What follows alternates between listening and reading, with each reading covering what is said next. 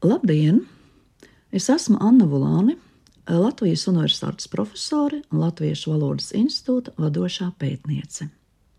Vai zināt, kāpēc Jānis Enzelīns interesējās par apreibinošiem dzērieniem?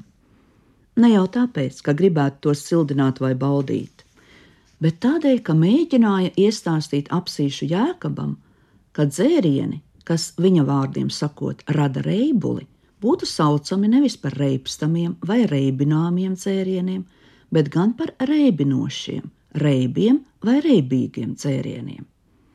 Šī Jāņa Enzelīna diskusija ar rakstnieku ir tikai viens jautrs piemērs no daudzām nopietnām sarunām. Enzelīns līdzās nopietniem dziļiem valodas pētījumiem bija uzņēmies valodas kopēja pienākumus. Var teikt, ka viņš dzīvoja valodā un visu mūžu sekoja tam, ko bija teicis, rakstot par Kārli Mīlenbachu. Proti, nopietns valodnieks pats no sevis nediktē nekādus likumus. Tas tikai novēro, ko tautā runā, izraugās to, kas ieder rakstu valodā, un pasniedz to citiem. Enzelīns ieklausījās jebkurā sarunbiedrā, ausījās bārdziņos un frizieros, kamēr tie darīja savu darbu, vērtēja izkārtnes, preses izdevumus un grāmatas. Neviens garām gājēju čuks nepalika nepamanīts, īpaši, ja tajā bija saklausāmas kāda dialekta iezīmes, ko varētu izmantot pētījumos, vai bija pasprukusi kāda nejauka kļūda. Tāreiz, atgriezies no frizētavas, viņš kolēģiem sirdījās, ka latvieši nu pārāk daudz lietājot diminutīvus. Viņam frizēra esot jautājis, vai jums kungs matiņus vai bārdiņu arī? Šādi no tautas viņš ar savām zināšanām un valodnieka sirdi arī radīja latviešu valodas kultūru.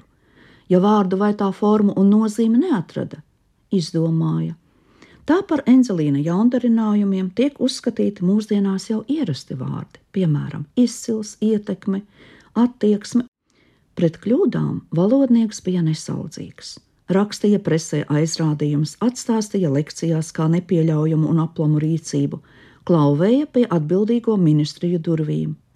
Viņu varēja satraukt gan tas, ka līdzās krievu un vācu valodai pie kāda ārvalsts konsulāta durvīm nav uzraksta latviešu valodā, gan, piemēram, vārdi patreiz, pastelēt, piepalīdzība, mazgadējs, izverdums.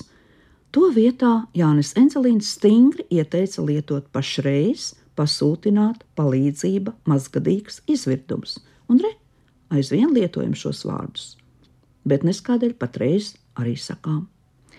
Ne tikai vārdu darināšana un izvēle, bet arī to rakstība un izruna Jāni Encelīna nodarbināja, jo mums jācenšas ne tikai pareizi rakstīt, bet arī pareizi runāt. Kas savu tēvu valodu necienīja un nerūpējas par viņas tīrību, tas nevar būt krietnes patriots. Pareizrakstību un pareizrunu viņš centās regulēt ar dažādiem precīziem komentāriem un izdevumiem. Darbojoties ortogrāfijas komisijā, tika izstrādāti jaunie pareizrakstības noteikumi, ko 1908. gadā pieņēma Rīgas Latviešu biedrības zinību komisijā.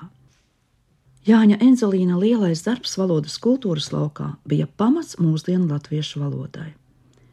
Kaut arī dažkārt valodas normēšana bija pārmērīga un no mūsdienu viedokļa nepieļaujama, nu, piemēram, literarizējot vietvārdus, viņa valodas kopēja darbs ļāva apvienot latviešu tautu un veidot pilntiesīgu nāciju.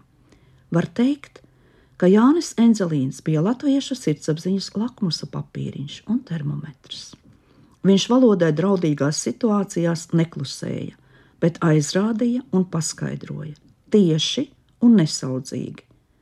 Tā 1920. gadā, Latvijas brīvvalsts pirmajos gados, viņam jāatzīst.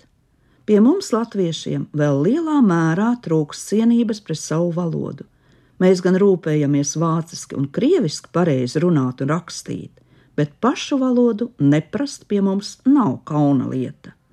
Šī atziņa vēl ar vienu ir aktuāla. Mums jābūt lepniem par savu valodu, un katram pašam jākļūst par tās sargu.